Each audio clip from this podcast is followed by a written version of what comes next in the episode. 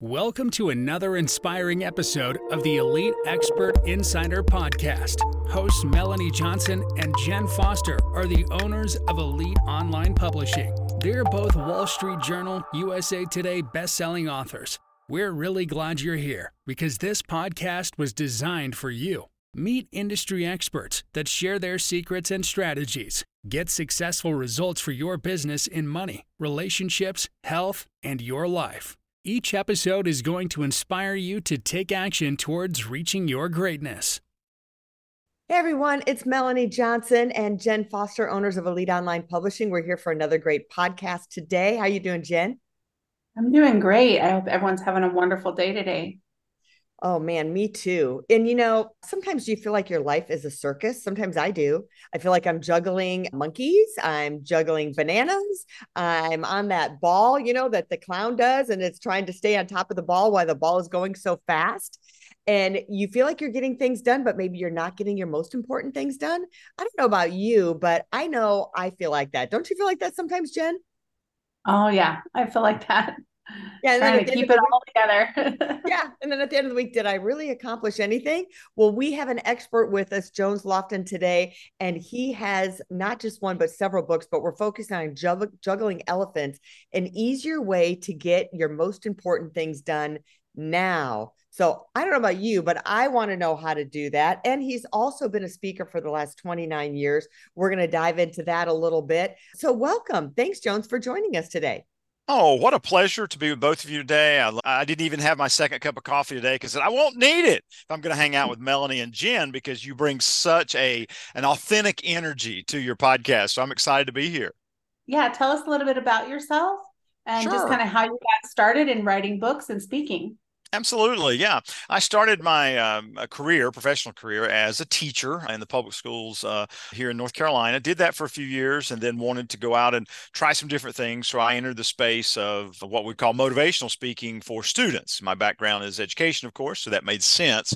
And did that for a few years. Then around 2000, I really wanted to focus more on on the corporate market, associations, those types of things, and had a really interesting uh, break in my career. I had the opportunity to work work with the author of the book Who Moved My Cheese, Dr. Spencer Johnson. And that was just an incredible journey that taught me two things was first of all, the power of story to help people to change and to grow. And then, secondly, the whole idea of how to get into the corporate market, how to get in front of those audiences that were different than the ones I had. So, it was just an incredible journey. And since that time, I have authored a few books, and my main message is around helping people make the best choices with their time so they can thrive you know, I love and I love that, you know, Who Stole My Cheese is such a great book. What a great opportunity that you had. So, with your book, Juggling Elephants, kind of walk us through the structure of that. Like, how do I juggle things? What are the first, like, core concepts of being more productive? Sure. First one, most important, comes from the title of the book, and then and I won't still I won't spoil the story for those who will read the book.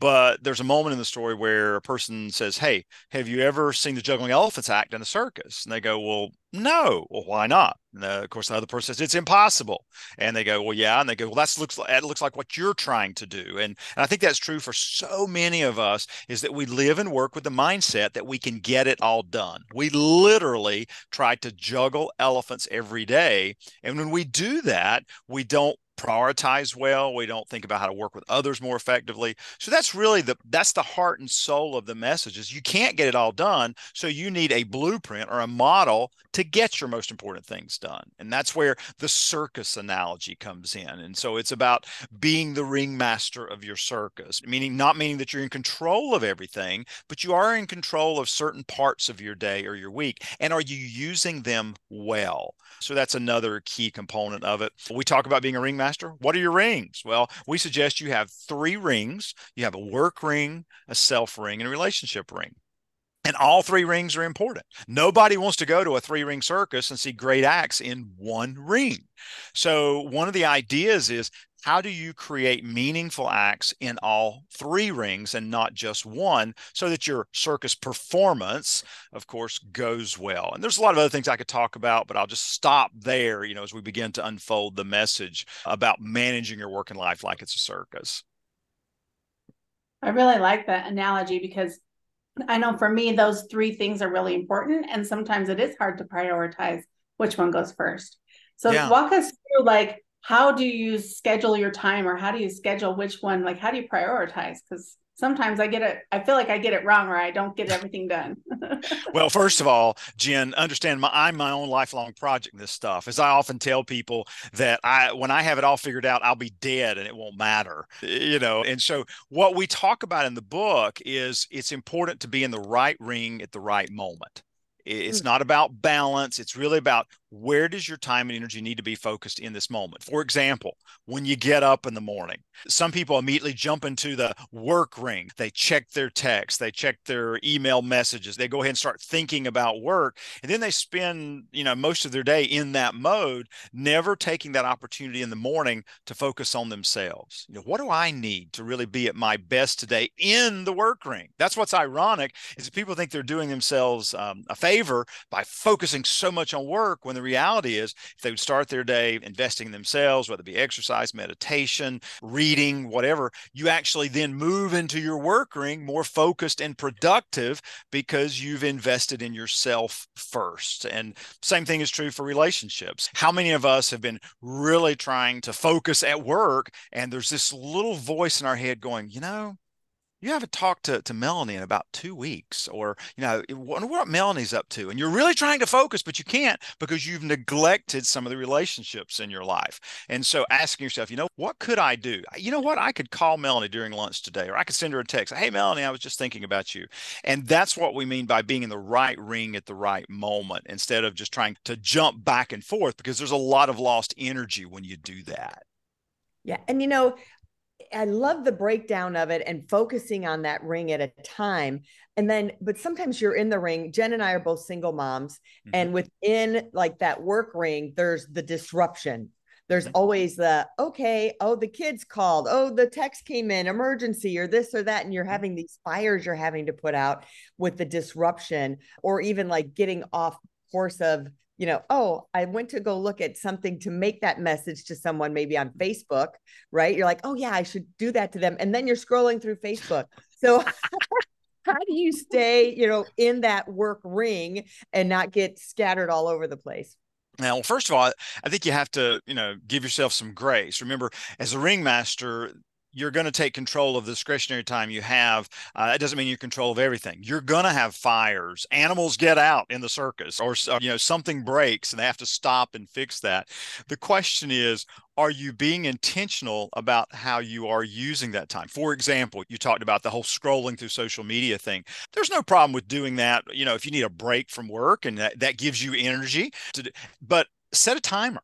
Uh, you know, put a boundary you know i'm going to do this for a minute or three minutes or five minutes or you know do something that gives it some boundaries so that you don't just kind of keep doing it and doing it in that way. And so I think that's one way that's really important to stay in those rings. And it's also about creating environment, right? Is if you want to be in the work ring, what do you need to be effective in the work ring? Well, you probably need to reduce distractions. You need to be in a place where you can focus. You need a certain workspace created. They take time to set up acts in the circus so they go well. Why shouldn't we do the same when we're thinking about wanting our work to go well time with friends and family to go well, or even for ourselves, taking the initiative to say, what kind of environment can I create that will help me to do the things that I want to do?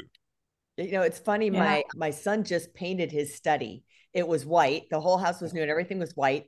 And he painted it, made it more like a cozier color and he's like mom i can't tell you the difference mm. that hmm. this room is now a different color it's changed my energy and i feel like i'm more focused and i want to be in this room working just that one little thing can make such a big difference Oh, absolutely. For me in my office uh, space when I'm working, I, I, have to have the diffuser going. If I really want to focus, you know, it's peppermint, or my new favorite is you know white tea, or you know, I'll walk into a, a, a hotel, it smells really good, and I'll go ask somebody, say, "What's the, what? What are the smells you use here?" And then I'll come back and I'll you know recreate that with my diffuser because smells are really important to me to help me focus. And so I think whatever it is that gets you there, do it to be more effective.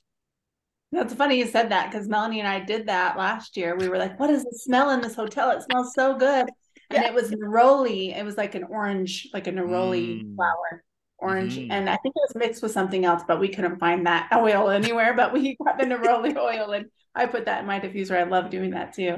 That's yeah. great. You said that. Yeah. yeah. I really like how you talked about the importance of being in the moment because I think a lot of times, especially as single moms or when you're juggling all these things, how do you like? Yeah, I know a lot of people say like just be or just be in the moment. How do you kind of separate yourself and be there when without all that distraction in your heads thinking about all the other things I think the first thing that's important is recognize what are those distractions? What are they sourcing from? Where are they coming from? Is it, you know, unreal expectations of yourself? Is it guilt that you're putting on yourself because, well, I'm taking a moment for myself and I really ought to be with my kids right now? I think it's finding the source of that and then reminding yourself that this moment that you're in, reminding yourself how it's going to help you to be that better mom or friend or colleague at work. I can't tell you the number of people that in a coaching environment, especially if they're a single mom or, you know, women in general who have this,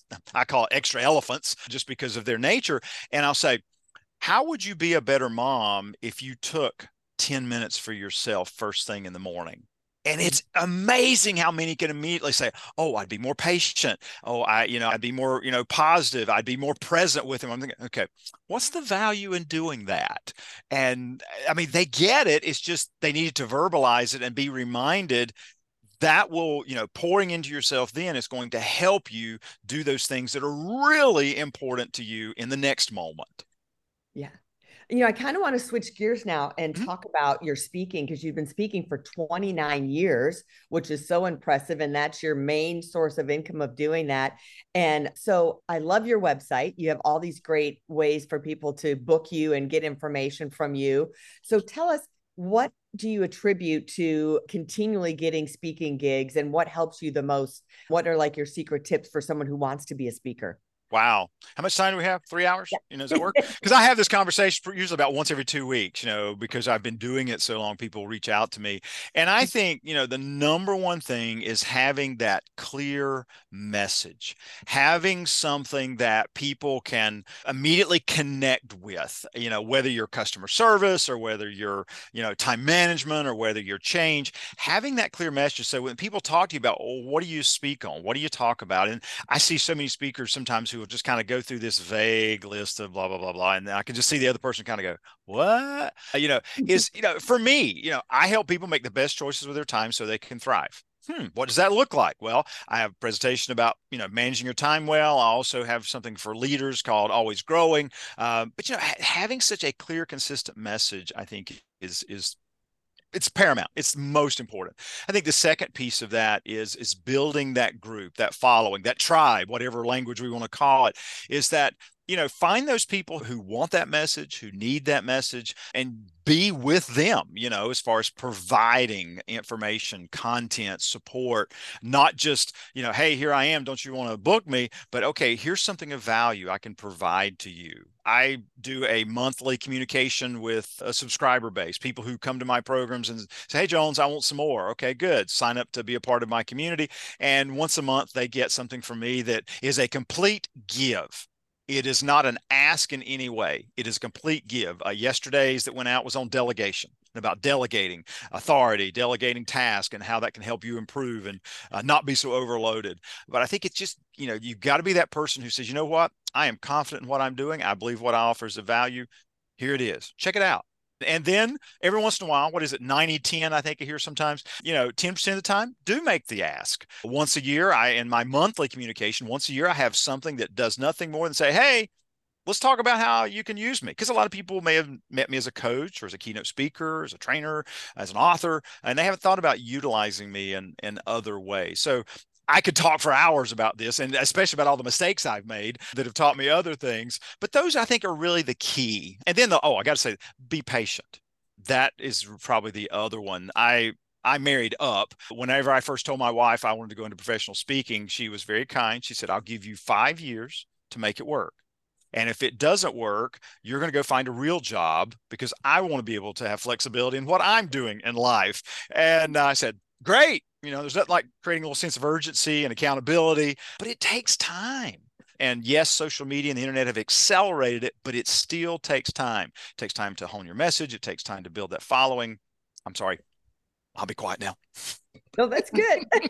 yeah, that's really good. Well, I think well, I think that patience part really does help because I think a lot of times people think, oh, I'm going to write a book and then I'm going to become a speaker, and tomorrow I'm going to get you know twenty five thousand dollars a speech. Well, it doesn't happen that fast, you know. Right. Um, it you it does take time, and you have to have patience. So I love that you explained that because it takes time. And the other thing I'm sure you were going to say is network because oh, absolutely. Not only building your community, but the people that you know and the stages that you speak on is all about networking, right? And figuring out who those people are that you want to be speaking to. Oh, absolutely. And when you work with a group, you know, how you know, do you can you go deeper in that organization? Are there other divisions or groups, or are there other companion groups? You know, lateral. I don't do as much now, but I used to do a lot of work with associations. And associations, if you speak to a state group, there's 49 other ones. Now, you're probably not going to get the opportunity to go to the Alaska association of whatever it is, whoever it is you're speaking to, because they just don't have budget, you know, or they might not meet that often. But there's just so many opportunities, and those people talk. And so I think it is finding that way of how you can network with that person first by providing an amazing event. And then secondly, by saying, okay, you like the work I did who's somebody else and those are timeless things right i mean that's that's sales 101 if you do a if you provide a great product or service ask them who are three other people who you think would be of interest in my services and if you've done a good job they'll tell you yeah. How valuable do you think your website has been in driving traffic and getting speaking gigs? Website has, has been incredibly important because just like what's the, I saw the statistic that when people go to purchase a vehicle, they have done 80% of their research online and the other 20% is just what they're going to do when they come on the lot. I think it's similar in speaking. People are going to go to your websites. They want to see you. They want to see what do you talk about, and then they want to see you in action. You know, they want to see some video footage. And I think once they've done that, then that gives them a comfort level to then reach out and say, "Tell me more." I don't think your website has to be everything because I think that people get into that sometimes. They think you got to put so much there, and it's a showroom you know, it kind of gives them some ideas and then get them to contact you. Because once they contact you, that's where the magic happens. Because then they get to, to hear you talk, they get to, to interact with you to see how you're interested in the work that you do. I'll say this about a website. Donald Miller with StoryBrand gave the best advice for websites. And I think this is for speakers or anybody. Three things. Okay, three things. The first one is that when it's or not three things, it's three things wrapped up in the caveman test. Number one, you know, what do you offer? You know, mm-hmm. number two, how will it make my life better? And number three, how do I get it? He says that if people can't find that within 10 seconds of going to your website, you need to change some things. And, and I'll be honest with you, when I looked at my website, I guess the last iteration, I'm like, yeah, it is a little harder for people to figure out in 10 seconds how to book me. And so that's why we moved the Book Jones little icon thing up to the top right. I mean, it's a simple thing, but it's those simple, you know, things that sometimes make the biggest difference. Yeah, I, I think that how do I get it question, a lot of people forget. I think it was uh, years and years ago, someone asked us, So, do you have a buy button on your website and like where they can pay now? And a lot of people are like, No, I don't. It's like, well, then why do you think you're not selling anything? yeah, yeah. It's like, how and, do they get it? How do they book you? How do they mm-hmm. buy stuff? Yep, like, yep. how do they get it? Yeah, give them a call to action as quickly as possible and and multiples. I mean, you don't want to be cheesy with it, but you do want to make it easy because that's what people are doing. They're looking and say, okay, I think I'm interested at this point. Okay, where do I click? You know, it, it's got to be there. Yeah. Well, thank you. You've given us so much information about being more productive. And if people want to walk into the speaking, you know, your career, how you've become successful with speaking for all these years too. Really appreciate it, Jones. Well, my pleasure. I mean, it's a wonderful profession. It's like anything else. It has its ups and its downs, its positives and negatives, but just the ability to impact people's lives in this way is it's just it's really special.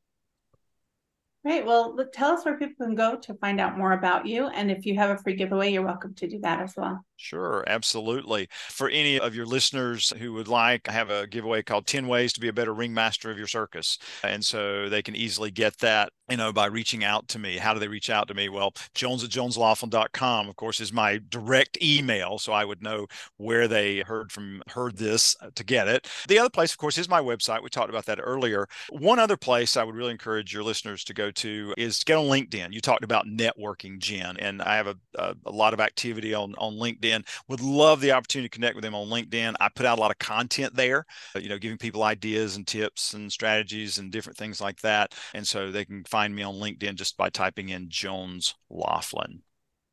Awesome. We'll put those in the show notes so people can click on those links. Absolutely. Terrific. Thank you. Well, thanks everyone for stopping by. And remember, if you'd like to become a best-selling author, reach out to us at eliteonlinepublishing.com and see if you're a great fit for us. We do Wall Street Journal, USA Today bestseller, as well as Amazon bestseller. We'll see you next time. Have a great, fantastic week. Bye-bye. Bye. Hey, are you looking to increase your revenue, build credibility, and elevate your brand? This podcast is brought to you by Elite Online Publishing an innovative publishing and full spectrum marketing company. They will publish and market your book to make it a number one bestseller. Becoming an author is the best way to market your business. So contact them at eliteonlinepublishing.com today. All of their authors become number one bestsellers.